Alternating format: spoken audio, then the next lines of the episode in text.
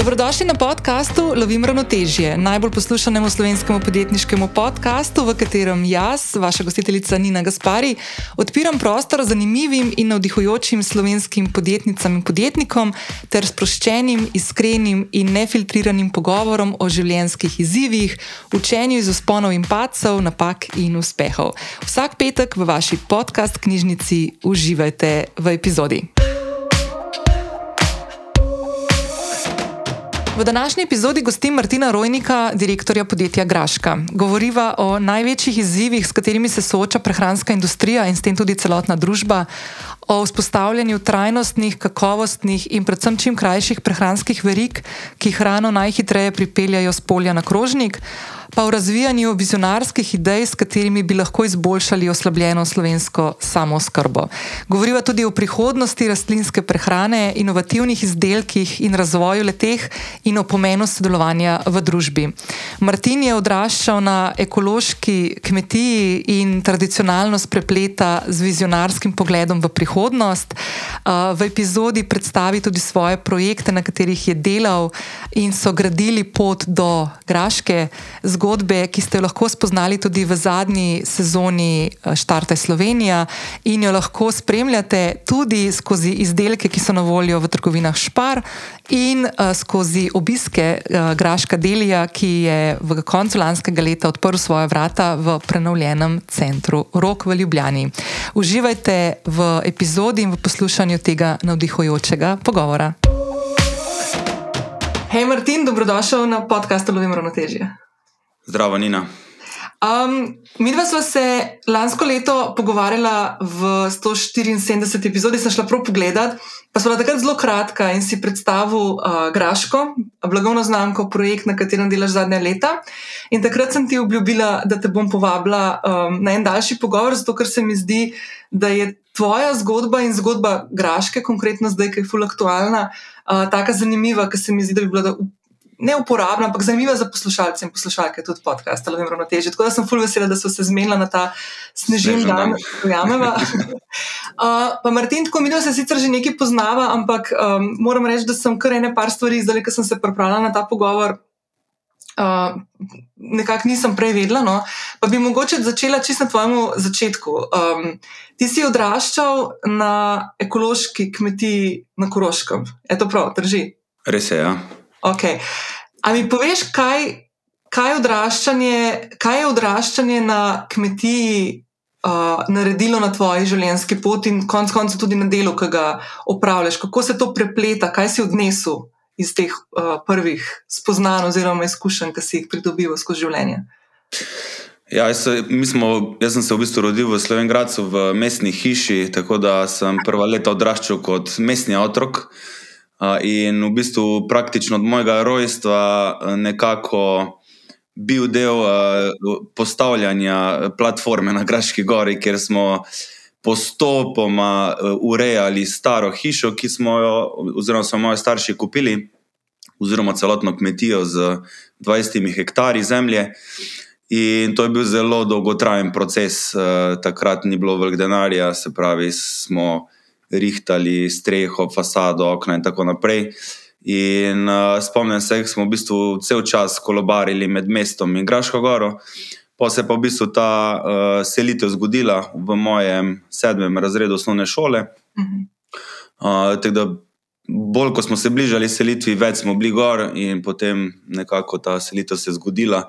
In takrat je tudi ta kulturni šok za mene nastopil ko sem pač mogel iz uh, mestnega otroka uh, se nekako počasi pretvoriti v uh, podeželskega kavboja. In, uh, začeti v bistvu spoznavati na novo to okolje, predvsej stiko zgubiti z mestom. Uh, tako da takrat sem še osnovno šolo zaključil v Slovenki, potem smo se pa v bistvu začeli voziti v Velenje, ker je moj oče delal na konjereji in na očereji v Velenju. In uh, v bistvu sem delal potem, uh, oziroma sem hodil v gimnazijo v Velenjeno. Se pravi, to so bili moji začetki. je, tvoja starša nista, nista prišla iz tega okolja, ste bili v bistvu. Ne, moja mama je Ljubljančanka, uh, se je prvo preselila v Slovengradec, ko se je pelala čez mislinski kla, klanec in se je selila v Slovengradec, je jokala. Ona je akademska kiparka in uh, tudi za njo je bil to Aha. to šok, že sam se v Slovengradec preseliti, kaj šele potem na kmetijo. Ampak ja, želela sta si iti na podeželje, mi smo pa seveda sledili. Ne?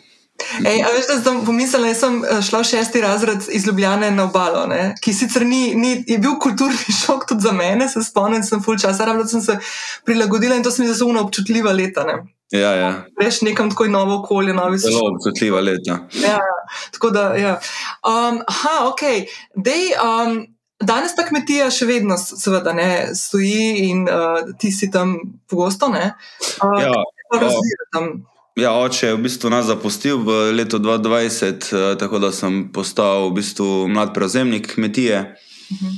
Uh, in uh, smo si vzeli čas no, uh, po izgubi očeta, da smo premislili, v bistvu, kje usmeriti, uh, in si vzeli čas drug za drugega. No. Uh, Mhm. tako da zdaj, kar razvijamo počasi, počasi, počasi, uh, je v bistvu nek tak. Uh, Plant-based retreat koncept uh, z nekimi nastanitvami, Mhm. Ampak to bo usporedno nekako teklo uh, v tistem prostem času, ki nam ostaja. Uh, in bi si želeli v neki točki to vsebino združiti skupaj, no, se pravi, nek retreat program, meditacije, Vinhof, um, rastlinska hrana iz, uh, iz vrta na krožnik, Mhm. uh, to v tej smeri. Kdaj se pa ta tvoja um, ljubezen ali pa to um, nek, neka strast do hrane, pa do rastlinske hrane, kdaj se je to zgodilo? Ker ti si v bistvu zdaj v zadnjih deset plus letih si full od te stvari upleten, tudi tako poslovno. Ja. Uh, mislim, ta strast se je začela, po mojem, na kmetiji, ker smo preko mame, sem v bistvu odraščal na vrtu, ona me je v bistvu naučila vsega, kar znam na vrtu. In sem imel stik s to zelenjavo in s to kvalitetno hrano. Bili smo v bistvu živinoreska kmetija, imeli smo tudi sto ovac, osle, konje, uh, je bilo zelo živo. In uh, seveda smo takrat tudi uživali meso. Tako da iz vidika kakovosti hrane smo jedli najvišji nivo možena. Ne? In ko se navadiš enkrat na te okuse, uh, moja mama je pač vedno bila dobra kuharica in uh, tudi sam sem vedno kuhal za prijatelje. In uh, ja, ko sem zaključoval v bistvu to mojo marketinško kariero uh, in še na koncu s to modno industrijo sem hotel nekaj drugega, sem vedel, da nisem v stiku sam s sabo. In ko sem se preselil v Berlin, sem vedel, da bi rad v bistvu se povezal z prehransko industrijo. Tudi tam sem potem začel delati v uh, restauracijah in začel nabirati uh, široke izkušnje. No. Bolj v smislu pogleda v svetovno kulinariko, kje tehnike so na voljo, kaj, kaj sploh sem jaz znotraj tega univerzuma, kje so problematike prehranske industrije, zavržena hrana, kultura prehranjevanja, uh, tudi zdravstveno stanje ljudi in tako naprej. Pač, Mhm. Tu sem začel raziskovati eh, in nekako videl, da je ta smer polnovredne rastlinske prehrane lahko odgovor na večino teh težav. No.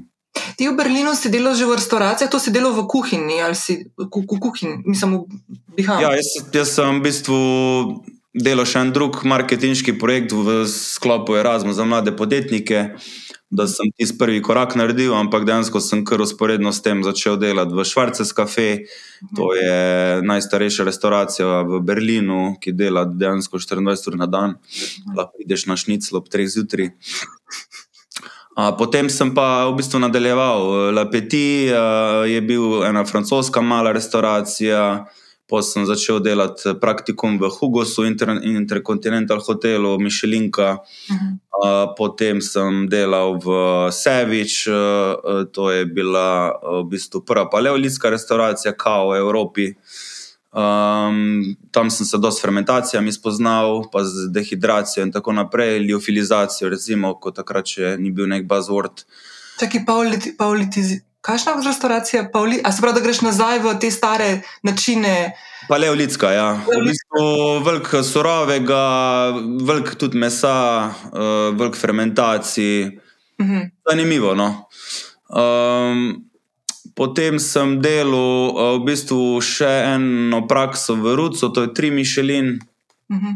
Ampak vsemi temi restauracijami, kjer sem prakso delal, sem delal še v eni restauraciji za, za denar, uh -huh. uh, da sem lahko pač si pokrival stroške. Aha, ker v tistih drugih restauracijah si delal zato, da si se lahko naučil in tam doskrat ali si slabo ja. plačan ali pa nisi. Ali pa v bistvu...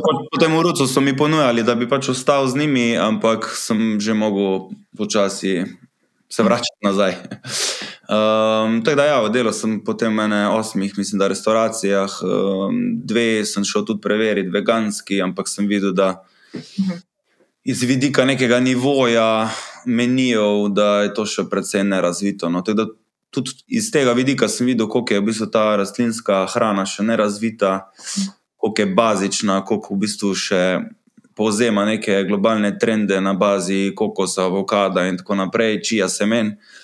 Um, mi pa pač probamo raziskovati, kaj je tu regionalnega in um, vračati te stvari nazaj na krožnik. Uh -huh. In potem si se vrnil v Slovenijo, če, če sem jaz prav prebral, si tudi v hiši Franko, se ostavil vmes, ne si šel tja delati. V hiši Franko sem delal eno sezono, Uh, potem smo pa v bistvu že v času hiše Franko zaganjali surf. Z... No, in ja. takrat sem jaz tebe spoznala. Ja. To je čas, ko sem še jaz odprto kuhno sodelovala in jaz se ja. spomnim, jaz se spomnim, ne vem, kje leto je to bilo, um, da je bil surf na. Na odprti kuhinji, mislim, da ste imeli na sendviče eno sladico z uh, teko, tekočim dušikom. Ne, ja, ja, ja, ja si rekla, ok. In je bilo tako ful fascinantno ne, na trgu to videti, no, ki si jedel in ti je šlo skozi nos, kaj je mu vrago. Um, da mi povej, ker uh, surf je bil odprt, um, kot, tako kot sem jaz takrat razumela, ko smo govorili, kot um, nek inštitut, ki se ukvarja z raziskovanjem rastlinske prehrane in tudi izobraževanjem. Ja, mislim, na začetku nismo bili čisto rastlinski, ker smo dejansko uporabljali tudi uh, GI. Uh, in, uh, ja, ampak smo začeli odkrivati ta rastlinski jezik, sploh testirati pri ljudeh, da vidimo, kak je interes, če sploh. Uh, tako da je bil to res en tak uh, poizkusni test. No. Uh, ampak smo veliko delali, veliko posebnih, tudi Avstrija, Hrvaška. Veliko se pogovarjali z ljudmi, tudi veliko enih dogodkov zaganjali v klubu Mladinsko, recimo ta Krembrule special. Uh mhm. -huh. Um, ta odprta kuhna je bila zanimiva izkušnja. Smo dejansko vsako odprto kuhno imeli nov meni. Uh -huh. uh, pa sem hitro videl, da je praksa ostali, da z istim menijem celo sezono na, na stop. Več sezon. mi, smo, mi smo se pa matrali. V bistvu sem prv, prvo na začetku odprte kuhne, sem bil praktično skoraj sam. No. Imel sem malo pomoči uh -huh. iz ene in druge strani in sem.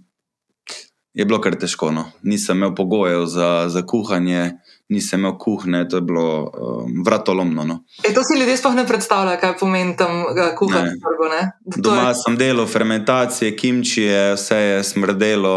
Uh, V glavnem, zanimivo. No. Prideš zelo utrujen zaradi priprav na petek, prideš na trg in posti tam cel dan. Jaz sem v bistvu zadnji podiru, zato ker enostavno nisem imel dovolj pomoči in prej sem se dva avta zvozil domov, opreme, uh, sem bil doma ob dveh zjutraj. Ja. Ljudje si res ne predstavljajo, no, kje so te začetki.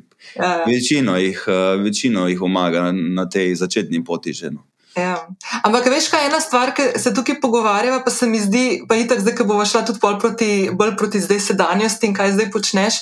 Ampak neko rdečo nitko jaz tukaj vidim, no, kar se tudi v bistvu ne vidi od zadaj. Ne vidiš ti zdaj, naprimer, neko, neke izdelke lahko na policiji, ki jih delate, ali pa greš v delikateso, pa tam se sedeš pa nekaj poješ. Ampak v zadju, ne to, kar si zdaj že govoril in kar si parkrat izpostavil, je pa en kup enega raziskovanja, enega spremljanja, poglabljanja v neke um, sisteme, konc koncev tudi, ne, um, ki v bistvu um, ne pridejo toliko v spredje, če si ne vzameš nekega časa in odpreš neko polje debate. In to je to, kar je pri meni, kar je meni se zdi fulj zanimivo, ko tebe opazujem skozi to tvojo zgodbo, vseh teh. Delčkih, kjer smo se srečali, in takrat na trgu, in pol kasneje v kuči, zdaj z Graško. In, to, in se mi zdi, da to je ta neka linija um, tega iskanja nekih načinov optimiziranja in izboljš, izboljšav na tem področju, konkretno, kjer se ti ukvarjaš. Ki so verjetno tudi, uh, se jih lahko prenese potem tudi konec koncev na širšo vem, prehransko industrijo, če rečem tako, pa zmaniziram. Ja, v kuči se nam je zgodilo to, v bistvu, da smo res hoteli večino teh delikates sami proizvajati, kar dejansko smo jih. Uhum. Ampak to je bilo iz vidika stroška in, in, in napora človeškega, je bilo to spet ljudje si ne predstavljajo, da smo mi to kučo vzdrževali, spet kak napor je bil v zadju, ker uhum. nismo imeli dansko opreme, uh, na male mikserje smo mleli vse te produkte. Um, če bi šel vse stroške računati, uh, pa marže, mislim, da je ne bi bilo. Uh, v glavnem, s tem razlogom sem se potem odločil, da novo zgodbo, ki jo štartam, štartam prvo za temelji in to, da se v bistvu proizvodnja vzpostavi. Mhm. In uh, v bistvu po tej poti smo tudi šli, prvo proizvodnja, uh, potem uh, v bistvu trgovec, uh, da se ta proces vzpostavi, da se količine vzpostavijo. Uh, da smo tudi lani pač investirali v, v opremo in da, da, da lahko zdaj izvajamo fermentacijo pač res na nivoju in kontrolirano. In uh, brez tega enostavno ne gre. No? Ker ko mhm. enkrat začneš malo večje količine delati, uh, malo večja naročila dobivati, enostavno uh, začneš kle, klecati. In, um, Pa še delate okay. izdelke, ki imajo omejen rok trajanja. Ne? Ti moraš imeti to izdelke, ki, so, ki se jih pravočasno. Mislim, fulje je pomembno tudi ta časovna dimenzija, kdaj nekaj pripravljaš, kdaj gre na polico, koliko časa je lahko tam. To ni neka stvar, ki lahko stoji na policiji, ne vem, leta. Ne, ja, vse pravim, če bi še enkrat zbiral, bi po mojem zašel v snek industrijo. Ker je enostavno, res pač imaš roke od dva meseca do pet mesecev ali zdaj delaš čisto sveže produkte po naročilu, ampak vedno si moraš zalogo delati in moraš res imeti dober plan, koliko zaloge si už naredil, da nimaš odpisov in skozi se to lovi v zadju. Um, bom rekel, da ta sveža linija produktov je zelo zapletena in zelo naporna. No. Uh mhm. -huh. Zamrzeno ima pol leta, eno leto, uh mhm. -huh. sneki lahko ima tudi par let. Uh, lahko bi šli v visoko procesirane izdelke z velikimi aditivi, pa bi lahko tudi imeli v bistvu shelf life na suhih policah eno leto. Ampak z vidika hranilnosti in kulinarične izkušnje je to neprimerljivo. No, za nas je pa v bistvu, mi smo imeli delavnico včeraj in smo top, mislim, ta najvišji nivo, našo glavno vrednoto postavili v bistvu skrb za okolje in zdrave ljudi. In eh, ko enkrat razvijaš hrano, čez to prizmo, enostavno teh kompromisov ne moreš sprejemati, ker dejansko uh, greš kontra svojim vrednotam. Uh -huh. Um, Kaj si kuča, smo zdaj tako malo menili, bi se vse malo tam ustavila, če se z tega vidika, ki si ga tudi zdaj sam, samo menil, ker ti v bistvu neka taka zgodba, ki se je zgodila, če sem tako za mogoče, kdo, če kdo ne ve, to je bil prostor v Ljubljani, v enem starem, um, kaj je bil labot, je bil tam ne, proizvodni obrat. Bivši labot, ja. Ja, tam ste vi, za Bežigrad, tam ste vi naredili nek tak prostor, kulinarično, družaben um, uh, laboratorij, konc koncev, v katerem ste delali, ok, fermentirane izdelke, pekarno ste imeli, restauracija je bila in tako naprej. In je bil tak, jaz se spomnim, mi smo ful z veseljem tja ob četrtih, predvsem hodili, zato ker ste imeli ful dobre hodoge. uh, in sem ful vesel, da jih spet podobne dajete ven v Graška mm. delijo, ki je zdaj v centru Roko v Ljubljani. V glavnem, bil je en tak ful lušten plc druženja uh, hrane, zanimive, zanimivih okusov, ki jih običajno, ko pomisliš na neko rastlinsko prehrano, ki si že prej omenil, ne vem, avokado toast ali pa ne vem, mandljevo mleko ali karkoli tasga, vi niste imeli. In tam, ti, mm. tam ste vi že v bistvu začeli tako ful komunicirati tudi te vrednote, o katerih se zdaj že pogovarjajo bolj konkretno, lokalne sestavine ali pa regionalne sestavine, ki jih zdaj tudi pelete naprej v Graški. Dej, uh, dej mi mogoče tako za ljudi, ki to poslušajo, pa ne razumejo, zakaj, naprimer, zakaj ta odločitev, kaj, kaj tukaj stoji zadnji, zato da, ta, da postavimo mogoče malo kontekst, to, kar smo se prej pogovarjali, da je vam pomembno to raziskovanje in, in um, kako izboljšati neke sisteme v zadju, tudi zato, da do hrana, ki pride do potrošnika, pa ne bo to ali ena sestavina ali pa cela jed, če pridejo k vam na več kosilo ali pa malce da dejansko dobijo ta nek najboljši možen rezultat vašega dela? Mislim, te vrednote so se v bistvu začele oblikovati, oziroma zelo trdni temelji postavili v času surfa. Ne? Se pravi, surf je bil stav za Sustainable, United, Responsible, Fair. Tako da to so v bistvu bile neke vrednote, ki so bile vzpostavljene, seveda izhajajo iz nas, ljudi, se pravi, vseh, ki smo sodelovali pri teh projektih in s tem tudi stali za njimi. Ampak, ko se pogovarjamo o rastlinski prehrani, ni dovolj samo, da piše veganski certifikat da je veganski znak na, na hrani, ker vemo, da ni vsa veganska hrana zdrava, ni okolju prijazna. Ne? In ko smo razmišljali, kaj je zdaj tisti popoln eh, prehranski sistem, oziroma vsaj čim bliže temu, uh, smo videli, da je to definitivno polnovredna rastlinska prehrana, se pravi, um, s čim manj procesiranjem, brez umetnih oziroma škodljivih aditivov, bom rekel. Uh, in pa da je regionalnega izvora, ker če ne vem, uporabljamo avokado iz Mehike, sojo iz Južne Amerike, uh, lečo iz uh, Af, mislim, Indije. Um, spet v bistvu podpiramo uh, neko globalno transakcijo surovin, in uh, mi smo za to, da se decentralizira prehranski sistem in da se v bistvu uh, začnejo vzpostavljati te kratke dobavne verige, ki niso nujno zdaj povezane samo s Slovenijo, ampak mi zastopamo širšo regijo, se pravi, da se tudi s sosednjimi državami povezujemo, zdaj odpiramo neke, neka sodelovanja uh, na Balkanu in uh, do Bolgarije. Se pravi, tu nekje vidimo to prehransko varnost. Zakaj? Zato, ker uh, se pač Sloveniji o, o samo skrbi z rastlinskimi hranili enostavno ne moremo trudno pogovarjati, ker tudi v bistvu. Eh, politika in eh, reforme, ki se sprejemajo, ne grejo v tej smeri. Mhm. Uvažamo še vedno, še vedno 60-70% vse zelenjave, sadja, uh, oziroma tudi teh nekih rastlinskih beljakovin. Uh, in uh, dokler ne bomo tega šifta naredili, enostavno bomo mogli se povezovati z, mhm. z širšo Evropo. E, ampak, ko ti govoriš, da čistko, če to nekdo posluša, ki naprimer, se ne prehranjuje rastlinsko in je vse jedec, naprimer, pa vse jedka. Ne? Te stvari, ki se mi zdaj pogovarjava, se bom malo navezala na eno stvar, ki sem jo omenila maja meseca lani, ko smo se pogovarjali o tistem kratkem predstavitvi, ki smo jo, uh, ki smo imela v 147. epizodi. Um, si mi omenil uh, eno sestavino, ki je zelo pomembna sestavina v, v nekem uh, prehranjevanju ljudi, ne samo raz, tistih ljudi, ki se prehranjujejo rastlinsko. Mm -hmm. Stročnice, na primer, konkretno. Kaj si rekel, sorry, nisem slišal? Stročnice si takrat omenil. Ha, ja, ja. A se, a se spravo spomnim, da si rekel, ja. da imamo veliko težavo, oziroma imate vi, ki želite iz stročnic delati kakšne izdelke, veliko težavo, zato ker imamo tako pomankanje. Sprav, slabi smo v samo skrbi na področju stročnic. Zdaj, stročnice so ful pomemben nek gradnik neke polnovredne, uh, polnohranilne uh, uh, prehrane za vsakega človeka. Ne? -hmm. Ne samo za uh, vegana ali pa rastlinojedca, je res. Mm -hmm. okay, kaj, to, kaj to pomeni? Mislim, da je mogoče na tem primeru, kaj, kaj to konkretno pomeni, naprimer, kar se zdaj opisuje, da, da okay, pustva, ne, ne, politika. Ja, pomemben del je to, ker tukaj se odločitve sprejemajo. Ampak kaj to pomeni, naprimer, da pri nas. Premalo ene take sestavine ali pa surovine, kot so stročnice, proizvedemo. Kaj, kaj to na, na trgu, oziroma konec koncev v Sloveniji, to na koncu pri, do česa pripelje?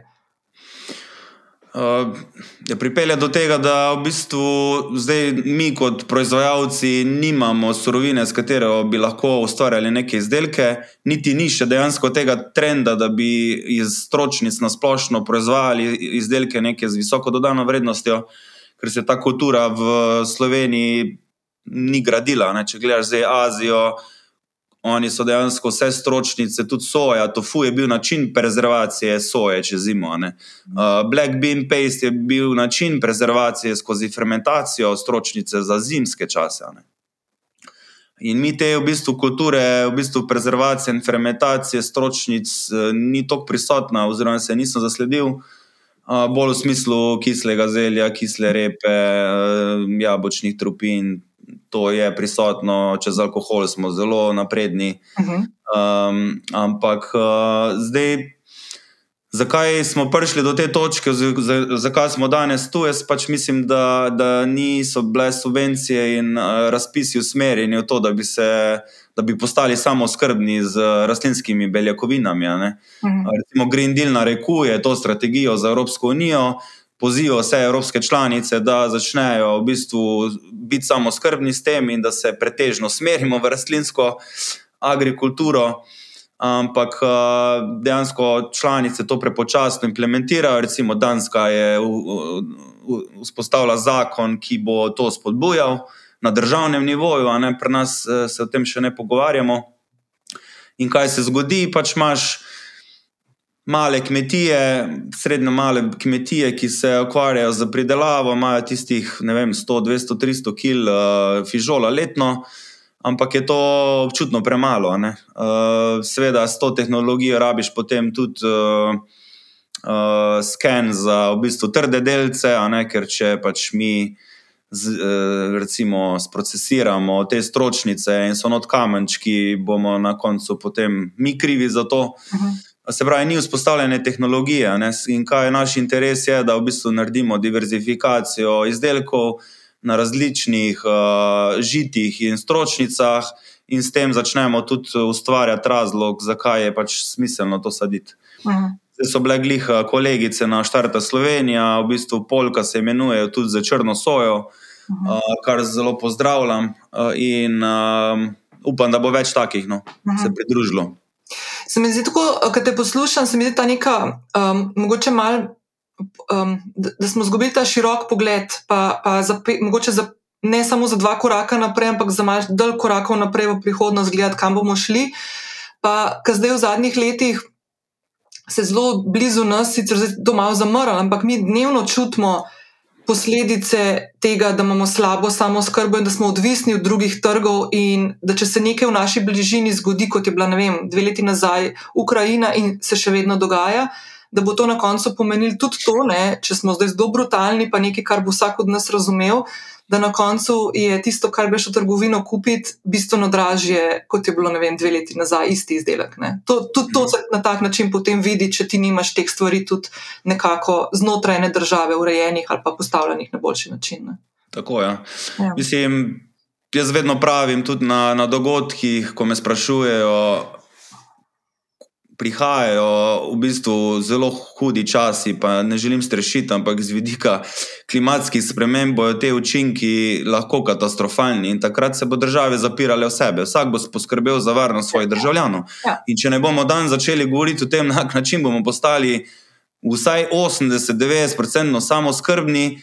Um, bomo imeli zelo izjemno drago hrano na policah, ali pa je sploh ne bomo imeli. Uh. -huh. Če vidimo Italijane kot največje pridelovalce uh, hrane v Evropi, praktično uh, s kakimi sušami se soočajo, ker se pač vremenske razmere v Alpah spreminjajo, uh mhm. -huh. potem vemo, da bo tudi pri nas prišlo do tega. Ne? In zaradi tega podarjam, da se treba pač z, z načinom, s kulturo prehranjevanja prilagoditi tem časom in v bistvu tudi ekosisteme in tudi te naše prehranske sisteme pripraviti na način, da bodo odporni na to, kar prihaja. In če ne bomo zdaj v bistvu ne samo sprožili dialog, ampak sprožili akcije k temu, da se bo to v naslednjih desetih letih uresničilo, ne bomo pripravljeni.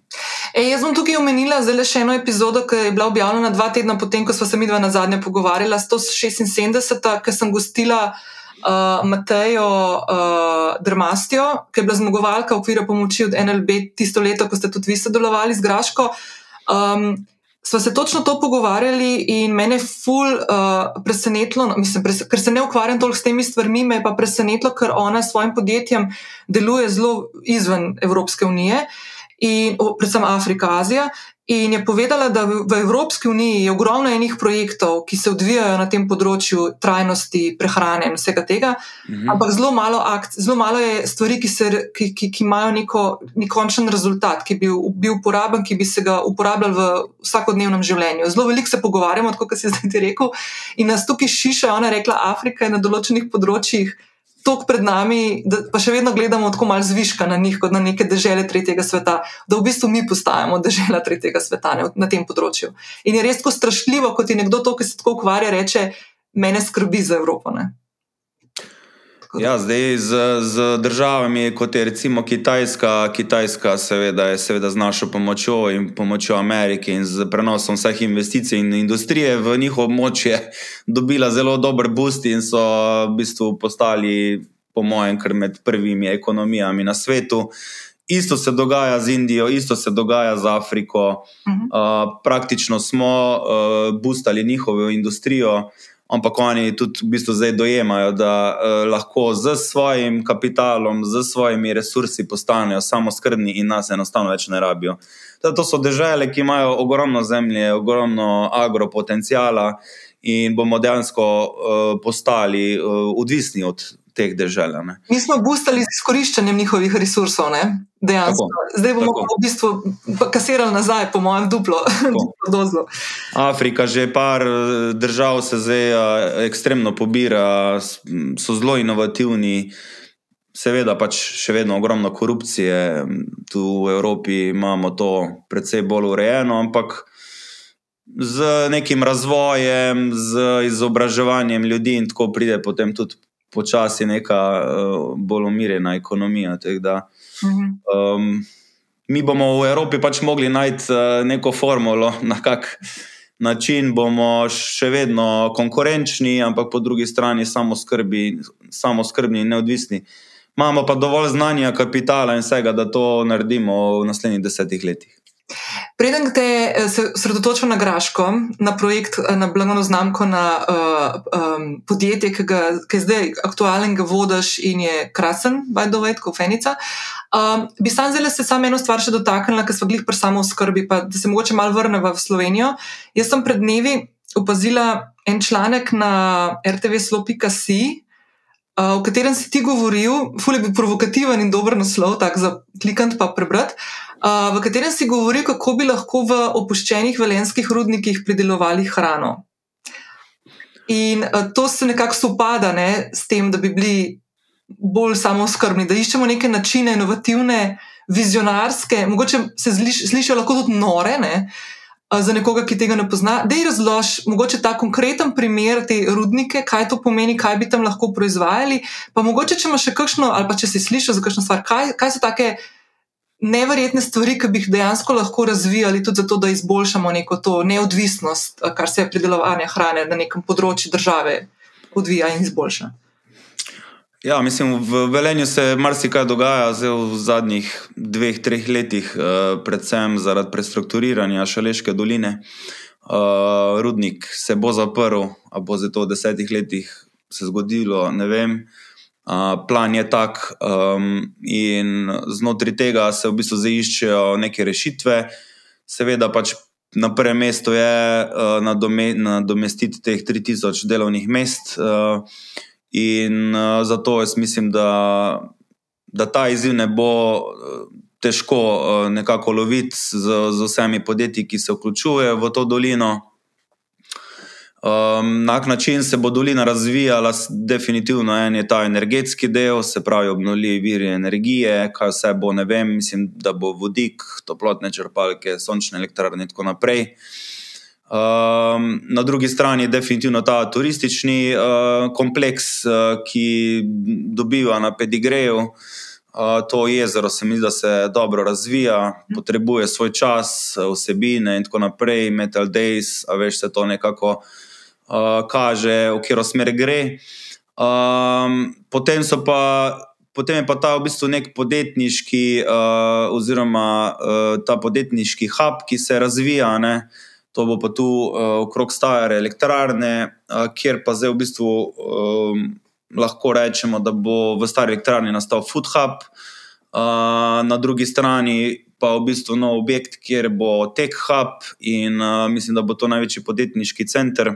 -hmm. oziroma inkubator v Sloveniji. Uh, in uh, bo ponudil možnost uh, veliko podjetjem, da se pač razvija znotraj doline. In uh, mi bomo en, eni od glavnih predstavnikov te prehranske vertikale. Um, zato, ker smo pač že z vzpostavitvijo proizvodnje uh, pokazali, da je potencial in uh, da želimo razvijati to zgodbo naprej. Uh, seveda smo pa potem iskali možnost, uh, da bi vzpostavili celotno verigo znotraj doline. Se pravi, da imaš pridelavo in predelavo znotraj doline. In dejansko potem lahko izvažaš uh, znotraj Slovenije, presežke uh, tudi v ostale članice. In uh, se ja, tu je ogromen potencial, kar se tiče um, teh tunelov v rudnikih uh, in pa vsega degradiranega območja, ki se pogreza okrog jezer in teh zemljišč je ne vem zdaj točno koliko hektarjev, ampak ogromno zemlje okrog jezer, ki bi se dalo spremeniti dejansko v agrikulturna polja, uh, ki bi po mojem mogli iti v smeri regenerativnega kmetijstva. Se pravi, da velenje, velenje postane vzor kam bi dejansko ta agrosektor mogel iti.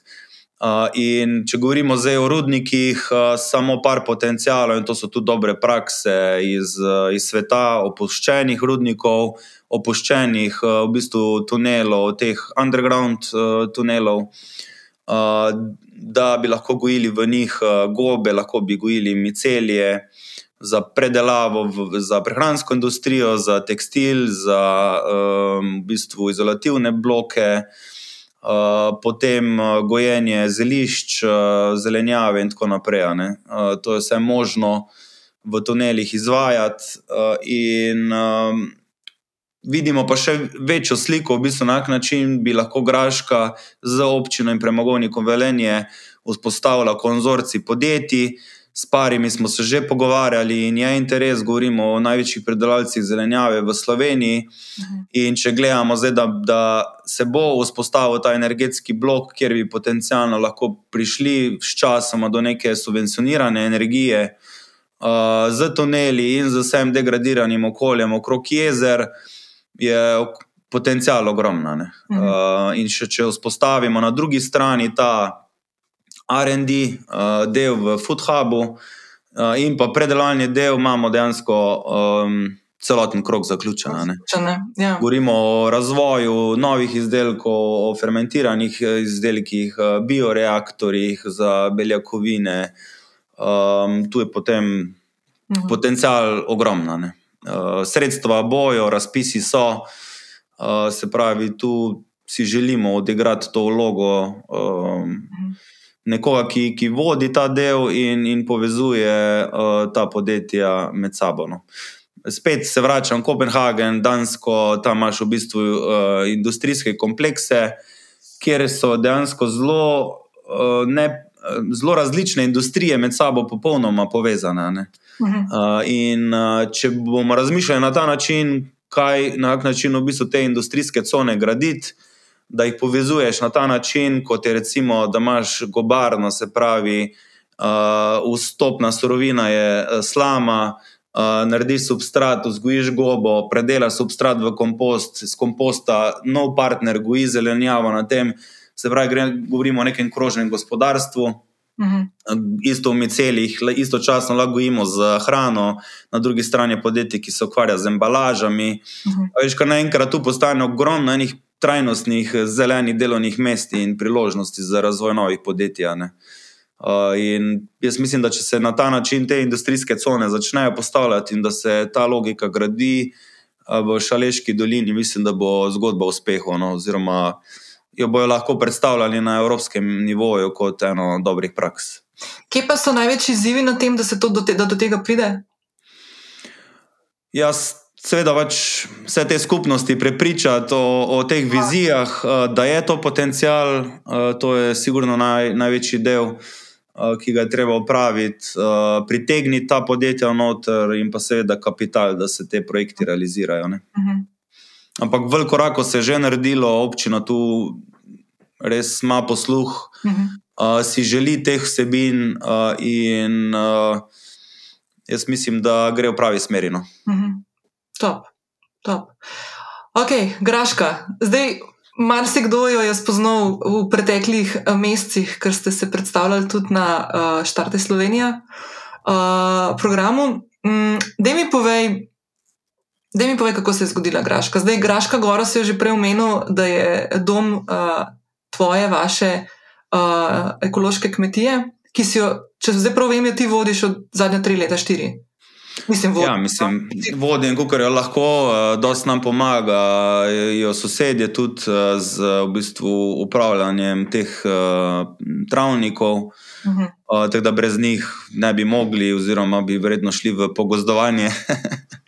Uh, tako da, ja, pač vzdržuje se trenutno, no? tako bom rekel, ta minimum, ki je potreben. Uh -huh. Um, določene aktivnosti se letos že odvijajo, um, ampak uh, nič konkretnega še zaenkrat. To boš sporočil, kaj bo, ne? Kaj bolj to pa bom, ja, to pa okay, bom. Okay. Rad delam plese. da mi povej, uh, mi povej o Graški. Um, Kako, kako se je zgodilo, kata, kata, če, če zdaj rečem tako, da rečem blagovna znamka? No? Um, se je zgodila malo potem, ko se je kuča uh, poslovila. Ja. Um, de, kako, kako je do tega prišlo, pa kaj želiš z Graško, kaj želite, ker vas je več upletenih v to, ne cel projekt, kaj želite z Graško um, doseči oziroma uh, sporočati? Kaj, kaj sploh je Graška? Ja, mis, v bistvu, ko se je kuča zaprla, m, mm, sem se kar nekaj časa ukvarjal z sanacijo in z uh, prenosom tudi uh, podjetja in tako naprej. Uh, ni bilo lahko obdobje. Uh, da znotraj tega obdobja sem imel nekaj časa, da sem razmišljal o tem, um, ali nadaljevati ali ne. Uh mhm. -huh. Ampak potem, po, po vsem, kar sem doživel v kuči in kar smo naredili, se mi je zdelo škoda, v bistvu pustiti te temelje v ozadju. In uh, s tem razlogom se odločil, potem, da nadaljujem. No? In nekako tudi vzpostavil neko mini proizvodnjo na kmetiji. Um, ime je prišlo samo od sebe. Uh, in sem začel pač proizvajati te izdelke, določene že iz kuče, določene nove, uh, sem si pustil malo kreativnega uh, prostora za sebe. Mhm. In uh, potem sem začel z malimi trgovinami, uh, dosti hitro je potem v bistvu poklical Špar, da se zanima za izdelke. In uh, ko je v bistvu Špar nekako. Uh, Te izdelke potrdil, uh, takrat je bila pot jasna, treba je preseliti proizvodnjo čim prej v mesto, ker Um, logistično, niti iz vidika infrastrukture in elektrike, ni bilo uh, pogoja za to, da bi neko resno proizvodnjo vzpostavili. Nam je občina pomagala poiskati prostore, uh, tako da smo se selili praktično en mesec pred vstopom v Špar. Uh, bilo je res na, na minuto, uh, kar se tiče priprav izdelkov in dostave. Uh, tako da potem smo tam štartali. No. Uh, ste se iz kmetije v Velenje? Ja. Zelenje, mhm. ja. Uh, in to je bil nek ta prvi korak no, uh, k proizvodni in vsem skupaj. Uh, zdaj, če gledamo danes, kje smo, v bistvu, poleg naše proizvodnje, povezujemo še pet drugih proizvodn, uh, oziroma zdaj že kar več uh, v petih državah. Uh, in na nek način se želimo pozicionirati kot RD proizvodnja, se pravi, da razvijamo neke beta produkte in iščemo potem partnerstva, mhm. zato ker se pač nam ne da delati. no. Ne, ni čistekno, ampak pač proizvodnja je res. Je res zahteven posel. No?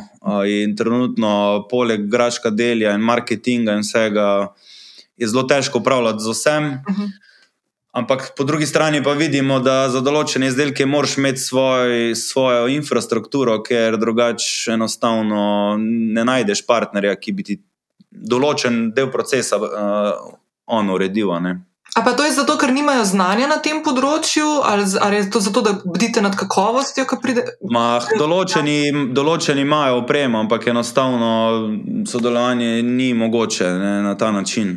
Um, zdaj, če gledamo čisto frem, ta fermentacijski del, recimo stročnic, pač ga noben ne dela, ne? tudi tisto, ima proizvodnjo tofuja, um, ta delček procesa ne pokriva. Tako da mi smo se sprijaznili s tem, da pač ta RD uh, ali neka zagonska proizvodnja bo. Uh, sprijaznili smo se tudi s tem, da bomo v bistvu prevzeli k sebi ta proces uh, fermentacije, se pravi, največ fokusa bomo imeli na, na fermentaciji, na vzgoji miceljev. Um, in uh, tu vidimo največjo priložnost, no? da z različnimi bakterijami, različnimi micelji, uh, različnimi procesi ustvarjamo različne baze, ki jih lahko potem aplikativno uporabljamo za um, um, recimo pekovske izdelke, za sladoled, za uh, sladice, za uh -huh. praktično karkoli. No. Uh -huh. uh, s to, recimo, fermentirano čirikino kremo zdaj uporabljamo marsikje. No. V sladicah, v, v prelivih, v, um, v teh pekovskih izdelkih, zelo je aplikativna baza. Uh -huh. Da tu vidimo priložnost, eh, se pravi, da delamo nekaj, kar drugi ne eh, proizvajajo, in da mi postanemo potem ta ključni proizvajalec teh baz, uh -huh. uh, ki jih potem lahko uporabljamo za svoje blagovno znamko, lahko jih tudi v bistvu dobavljamo uh, drugim mednarodnim partnerjem, s katerimi se že zdaj pogovarjamo. Uh, Teda jaz mislim, da bo tu vloga naša, no, predvsem ta RD, se pravi, da iščemo te neke razvojne potencijale, inovacije in pa da stremimo v bistvu k fermentiranim izdelkom, ki imajo tudi dan danes, kar smo raziskali, daleč največ zanimanja. No. Uh, mislim, da tudi bom, bom rekel, da v, v, celotnem, uh, v celotnem trgu uh, vseh uh, teh kupcev, ki iščejo veganske izdelke. Imáš seveda velik procent, ki še vedno posegajo po v bistvu, teh fake meat, fake cheese produktih, uh mhm. -huh. ki pa so še vedno zelo procesirani z veliko umetnih aditivov. Ampak na drugi strani pa mislim, da vse več kupcev išče ta naravni del, uh -huh. uh, s čim manj procesiranja uh, in pa v bistvu z deklaracijami, ki jih prebereš in jih razumeš. No, ja, full do, do good point. Ja. ja. Um, ko smo se pogovarjali, to, to fermentirano čičarikino kremo si ti omenjal v, v delu, ko si go, takrat razlagal, da ste s pečakom razvili tudi, ne, iz, mislim, izdelek, kaj bi bil bil. Ja. Ja. No, naprimer, se pravi, da lahko ti neko sestavino, ki jo vi razvijate in a, pripeljete do tega. Na koncu ponudite nekemu zunanjemu partnerju, ki iz tega razvija nek dodaten izdelek za raz, vem, rastlinsko uh, različico nečesa. Ne? Ja. Top, ja. uh, čakaj, kdaj gre ta oddaja ven? Naslednji teden. Aha, pa pa ne smem povedati. Res? to pa ne smem povedati. Okay, boš pa v ofu. Ne veš kaj, to je ta scena, ki smo takrat tudi, si, si rekel, ja, pa deli bomo odprli v rogu, pa jaz tako, ja, pa ja, kdaj gre to ven? ne, dobili smo eno nagrado, sam uh, ne smem uh, povedati podrobnosti, bo pa konec januarja razkrita. Mislim, čestitke, ker ste že dobili, čestitke so na mestu. Pa. Ja, videti, ja. kaj je nagrada, da veš, da veš. Mislim, ja, v bistvu s pekarno Pečak smo pokazali, da lahko sodelujemo tudi z največjimi živilskimi podjetji, da tudi oni imajo posluh za to. Tako da zdaj nadaljujemo v tej smeri um, in se tudi v bistvu pogovarjamo uh, z drugimi največjimi. In tu mislim, da bomo igrali to vlogo. No. Uh, Je pa res pač škoda, recimo že sam pri Bureku je bil v Dopeki, v Šparu, velik ljudi. Um, uh, ogromno smo dobili feedbacka pozitivnega ne, na ta produkt, ampak ga je pač uh, trgovec mogel umakniti uh, iz svežega programa, uh, ker je bilo preveč odpisov. Mhm. Tako da Veš, veliko je ljudi, ne, ki si to želijo, ampak še vedno premalo za to. Za trgovca tako velikega na koncu. Ja. ja, in zdaj pač je produkt še vedno na zamrznjenih policah. Eh, da, tako da si uh, vsaj to narediš, kot ne vem, ruglička pečaka, če si jih kupiš. Tako si spečeš doma in je to. Ja, to. Ja. Ej, um, ko ste na štarte Slovenije, so res nimam televizije ne? in smo mogli tako malo gledati. Včeraj sem imel en sestanek in smo te ful upravljali, by the way. Bom pa povedala s kom. um, ampak se jaz prav, prav razumem, da ste pre, v bistvu ste predstavljali čiko, izdelek. Ja. Ja. Prav, fokus je bil na enem izdelku. Ja. Ampak ja. ljudje, kupci, ne, ki gremo v špar, uh, lahko v, na šparovih policah na različnih delih, se pravi, zmrznem program ali pa hladilni program in tako naprej, lahko najdemo več vaših izdelkov pod blagovno znamko Graška. Ali lahko sam tako malo narediš en tak pregled, kaj točno ponujate? Ker takrat, ko smo se mi da pogovarjali, maja meseca si grih razlagal, da pridejo pice ven. Ja. Ja, mi, mi smo v bistvu zastavili prvo ta, jaz rečem, klasični delikatesni program. Uh mhm. -huh. To so v bistvu neki formati izdelkov, ki nam enostavno nadomestijo to, kar mogoče uh, kupujemo. Od mlečnih in mesnih izdelkov, govorimo o nekih blokih, valjih, namazih, uh, zdaj tudi smo dodali kimči. Uh, dodali bomo tudi v bistvu uh, hrenovke, uh, oziroma te neke rolerje, ki jih mi že imenujemo, ker ne smemo istih terminologij uporabljati. Uh -huh. Um, tako da to je v bistvu za neko vsakodnevno uporabo. Um, kar mi je bilo tudi zanimivo, ko sem čiko uh, degustiral po šparih, uh, sem dobil doskrat feedback. Jo, to mi je pa pač super alternativa tofuju, ker pač ne morem vsak dan tofuja jesti. In to mi je v bistvu malo kliknilo. Zakaj? Zato, ker če pogledamo še vedno dan danes, pri vseh inovacijah, ki se dogajajo, je še vedno tofu kralj. Mhm. Tofu je praktično na vseh menijih, veganskih, uh, na prvem mestu, pole tempeh, pa pa dolgo časa nič ne, potem pa pač vsak najde kako svojo alternativo. Ampak zakaj, a, sorry, Martin, zakaj, zakaj to, ker tofu, naprimer, jaz, jaz sem, po mojem, sem si ga dvakrat naredila. Meni se zdi tofu tak brezizrazen. Po eni strani totalno nobenega okusa, ampak omogoča valjda, da z njim delaš kar češ. Ampak meni, na primer, konkretno se ful ne da, da bi ga ne, da bi ga neki marinirala ali pa neki pripravila. Veš, veš, kaj ti hočem reči? Meni, na primer, jaz sem full človek, ki bom naprimer, hitreje posegla po nekem tempehu, ki, ali pa s kakšnim dimljenem sploh, naprimer, ki se mi zdi, da ga full hitreje lahko pripravim do nekega okusa, ja. ki mi je zanimiv. Mislim, tofu je. Prvo kot prvo, že tisočletja na trgu, to je kultura, um, skozi vegetarijanstvo se je razširilo dejansko po celem svetu. Uh, uh, je v bistvu v očeh ljudi uh, naravni produkt, uh -huh. uh, hranilni produkt, uh, beljakovinsko bogat produkt, uh, no bullshit inside. Uh, in pa lahko si ga zelo okusno pripraviš, če seveda malo ložiš, lahko že samo tam marijo make, pa je že okus. Uh, razumem pa, kaj hočeš povedati. No? Uh, da tudi vrk tofuja, ki je v Evropi, moraš vedeti, da je iz skrbne soje in je pač zelo neokusen. Uh -huh. uh, imamo pa japonske tofuje, fermentirane tofuje v solnici, ki imajo okus po siru. Tako da uh, pri njih je to čist druga kultura, ko oni pridejo, pa naš tofujejo, se smejijo. No? Da, um, pri nas se to šele razvija, za res. Um, Tempeh ima več karakterja, ker je v bistvu tofu ni fermentiran, na, na tempehu je naseljena gliva in ta gliva ustvari nek karakter. Produktu, no. Ampak za nas je glih ta del zanimiv, mi bi radi bili podaljšek te kategorije. Ne? Se pravi, veš, da imaš tofu, da imaš čiko, da imaš tempeh, da imaš bak, ne, da imaš polno enih naravnih izdelkov in lahko pač čez cel teden greš zelo pestro. Ne? Da ne greš vsak dan isto. Ja. ja, tako. Ja. In uh, tu je v bistvu tudi uh, vloga čikota, no, da, da ponudi še nekaj drugega, poleg uh, tofuja, ki je na bazi soje, naše na bazi čičirike. Kar je večji plus, po mojem, pri čikotu je, da je v bistvu to fermentiran produkt, lažje prebavljiv, boljša absorpcija beljakovin, uh, ima tudi malo več uh, karakterja zaradi tega. Um, tako da v tej smeri delamo. Uh mhm. -huh. Kar se tiče pa potem druge kategorije, ta zamrzen del, tu smo razvili recimo prvo burek s fermentirano čičirikino kremo, pa smo dodali štrukle z lešnikovo kremo, ki ima tudi čičirikino kremo. Uh, potem smo dodali še dva okusa pic. Um, jeseni pač spet uh, vzpostavljamo nek nov projekt, kjer bomo lahko dodali sourdough pice, najverjetneje tudi en brezglutenski okus. Um, tako da ta zamrzena kategorija je zanimiva, ker bi radi ponudili zdravo alternativo zamrznjenim jedem. Že sam pri picah, če pogledate, so v bistvu samo polnovredne sestavine, gor, ni nobenih umetnih aditivov, not. Um, testa so polnovredna. Um, potem pa se razvijajo še druge kategorije, ki jih bomo tudi ponujali, no? od uh, uh, snekov, fermentiranih pijač. Eh, sladoledi so tudi na agendi.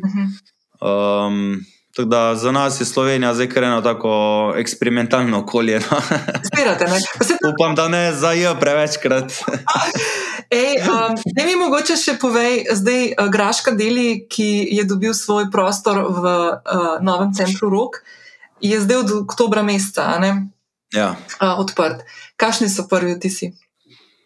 Ja, mislim, začetek je bil kar težek, ker, je, ker smo stopili v velik sistem in ogromno podizvajalcev, ogromno čakanja na opremo. Uh, tako da smo bili odvisni od te verige, ampak na koncu smo nekako uspeli odpreti zadevo. Uh, ni bilo najlažje, seveda, zato ker smo imeli v septembru uh, nadgradnjo uh, proizvodnje z novo opremo, usposabljanje na novi opremi. Uh, konec septembra dostavo za Štarta Slovenija, nova verzija Čikota, na novi opremi, um, in v oktobru odprtje Graška delja. Mogli bi biti še na Nugi sejmu uh, v Nemčiji, ki smo ga odpovedali. Uh, tako da uh, to tale oktober je bil za nas res uh, peklenski. No? In smo se pobirali do zdaj le ven uh, iz tega, da smo nekako sploh malo zadihali in se lahko um, na novo postavili na noge. No. Mm. Prejšnji teden sem bila na kosilu v Gradu. Ja. In um, sem si naročila, kot sem prej povedala, hodo. Kako mora, rečete hodo? Ne, kako je že? Ro, roller smo ga pomenovali. Ro, ro, sorry, roller. da smemo uporabljati. Ja, ja, ja, roller, pardon. Um, ful mi je dober, uh, pa krumpirček sem vzela, uh, tam mlad pečen. Um, pa vaša kombuča, no, bajdo, čisto da povem, no, da smo cel ta segment pokrili uh, uh, in je bil fajn, ampak kaj sem ti hotel omeniti, da sem prišla gor v zgornje nadstropje, kjer imate full fine prostor, tako da lahko kaj delaš, pa, pa tako velike mize, te uh, community mize in tako naprej. In je bilo full polno ljudi noter in sem gotovila, ampak je bilo polno ekipe, ne, tudi. Predvsem ekipe, ki smo imeli sestanke in so delali in tako. In mm. zdaj to zdaj sprašujem, ker sem bila tako, a veš. Zdaj si opisal, kaj počnete. Ne? Jaz poznam tebe in imam občutek, da si ti tisti, ki delaš celo graško. Ampak me zanima, koliko ljudi je upletenih v celotno zgodbo. CCA. Ja, zdaj nas je okrog 12 ljudi. 12.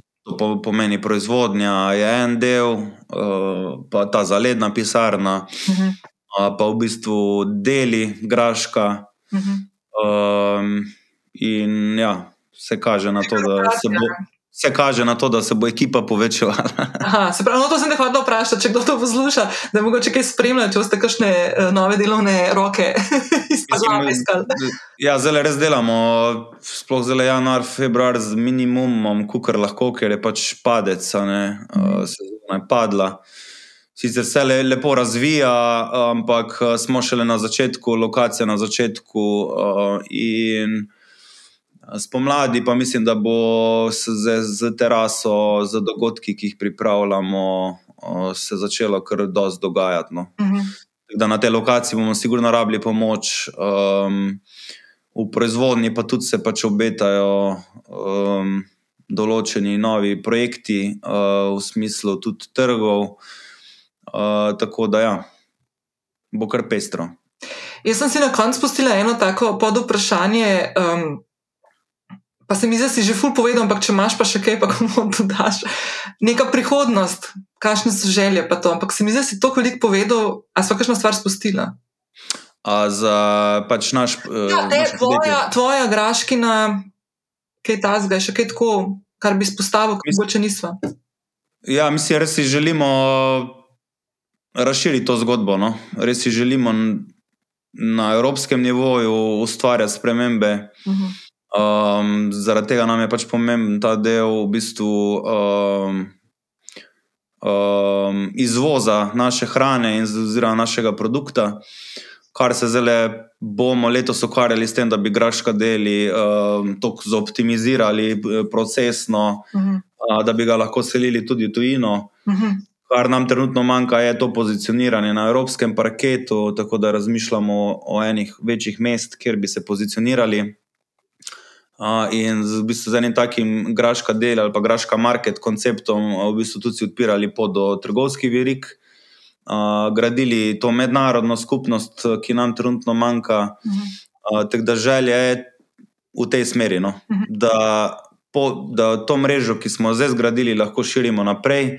Ne govorimo samo o prodajnih kanalih, ampak tudi v, bistvu v povezovanju agrikulture in pa proizvodnih partnerjev. Uh, tako da neka vizija je, da se spostavi ta uh, plant-based market platforma, ki bi bila tudi digitalna zadruga, uh, da bi lahko začeli uh, hitreje povezovati te uh, rastlinske potencijale uh, v Evropi.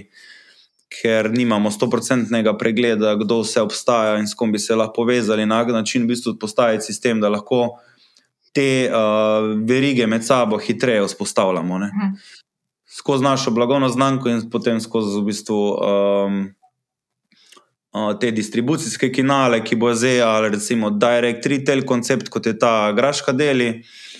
Uh, in ta povezan potem z nekimi lokalnimi kurirji, se pravi, da lahko potem znotraj velikega mesta dostavljamo pakete uh -huh. uh, po celem mestu. Uh, drug del je pa pač seveda povezan z trgovskimi verigami, no, kjer tudi vidimo uh, velik potencial. Mhm. Ambiciozno. Pa po mojem, ena, se mi zdi ena beseda tukaj sodelovanje, ne? ker skozi nekako. Sodelovanje je ključno in zaradi tega gremo direktno do naših predelovalcev. Radi bi prišli do tega, da lahko vplivamo tudi na, na način agrikulture, se pravi, da se začne presmerati v regenerativno, mogoče določene pilotske projekte zaganjati. Um, enostavno je treba na, na graški pokazati eh, možnosti, da se da, ker potem tudi uh, drugi lahko start-upi sledijo. No? Um, že sam skučo se je takrat pokazalo, recimo v tretjem letu si že videl določene. Določene um, nove zgodbe, ki so že malo sledile. Jaz sem tudi potem po zaprtju spoznal dve zgodbi, ki sta štartali na podlagi tega, uh -huh. naše zgodbe, oziroma smo jim bili mi v navdih. Tako da, um, če ne drugega, saj da sprožimo nek val uh, in da se na podlagi tega začne oblikovati neka bolj odgovorna prehranska kultura. No. Top. Ja. Martin, ful, hvala. Um, pa javljaj, kakšne stvari, no? da, bom, bom. Videli, da bomo še kakšen krok odtekali. Ti pa pridi na obisk. Pridem, pridem, z veseljem. Tako rečemo. Z veseljem. Lepo bodi, čau. Ok, Nina, ajde, lepo bodi. Čau, čau. Hvala za družbo, hvala za pozornost, hvala, ker ste ostali do konca. Če vam je bila epizoda všeč in se še niste prijavili na podcast Lovim ravnotežje, to lahko storite zdaj. V vaši izbrani podcast knjižnici se lahko nam prijavite in tako vas bo vsak petek, ko bo objavljena sveža epizoda, ta avtomatično pričakala med novostmi in ne boste zgrešili nobene vsebine. Če imate zanimivo podjetniško zgodbo ali jo morda poznate, pa se mi lahko oglasite na infoafnaninagaspari.com z veseljem veseljem odpiram prostor za zanimive male in mikropodjetniške zgodbe, navdihujoče posameznike in posameznice, ki lahko dobijo svoj glas tudi na podkastu Ljubim ravnotežje. Uživajte in se slišimo k malu.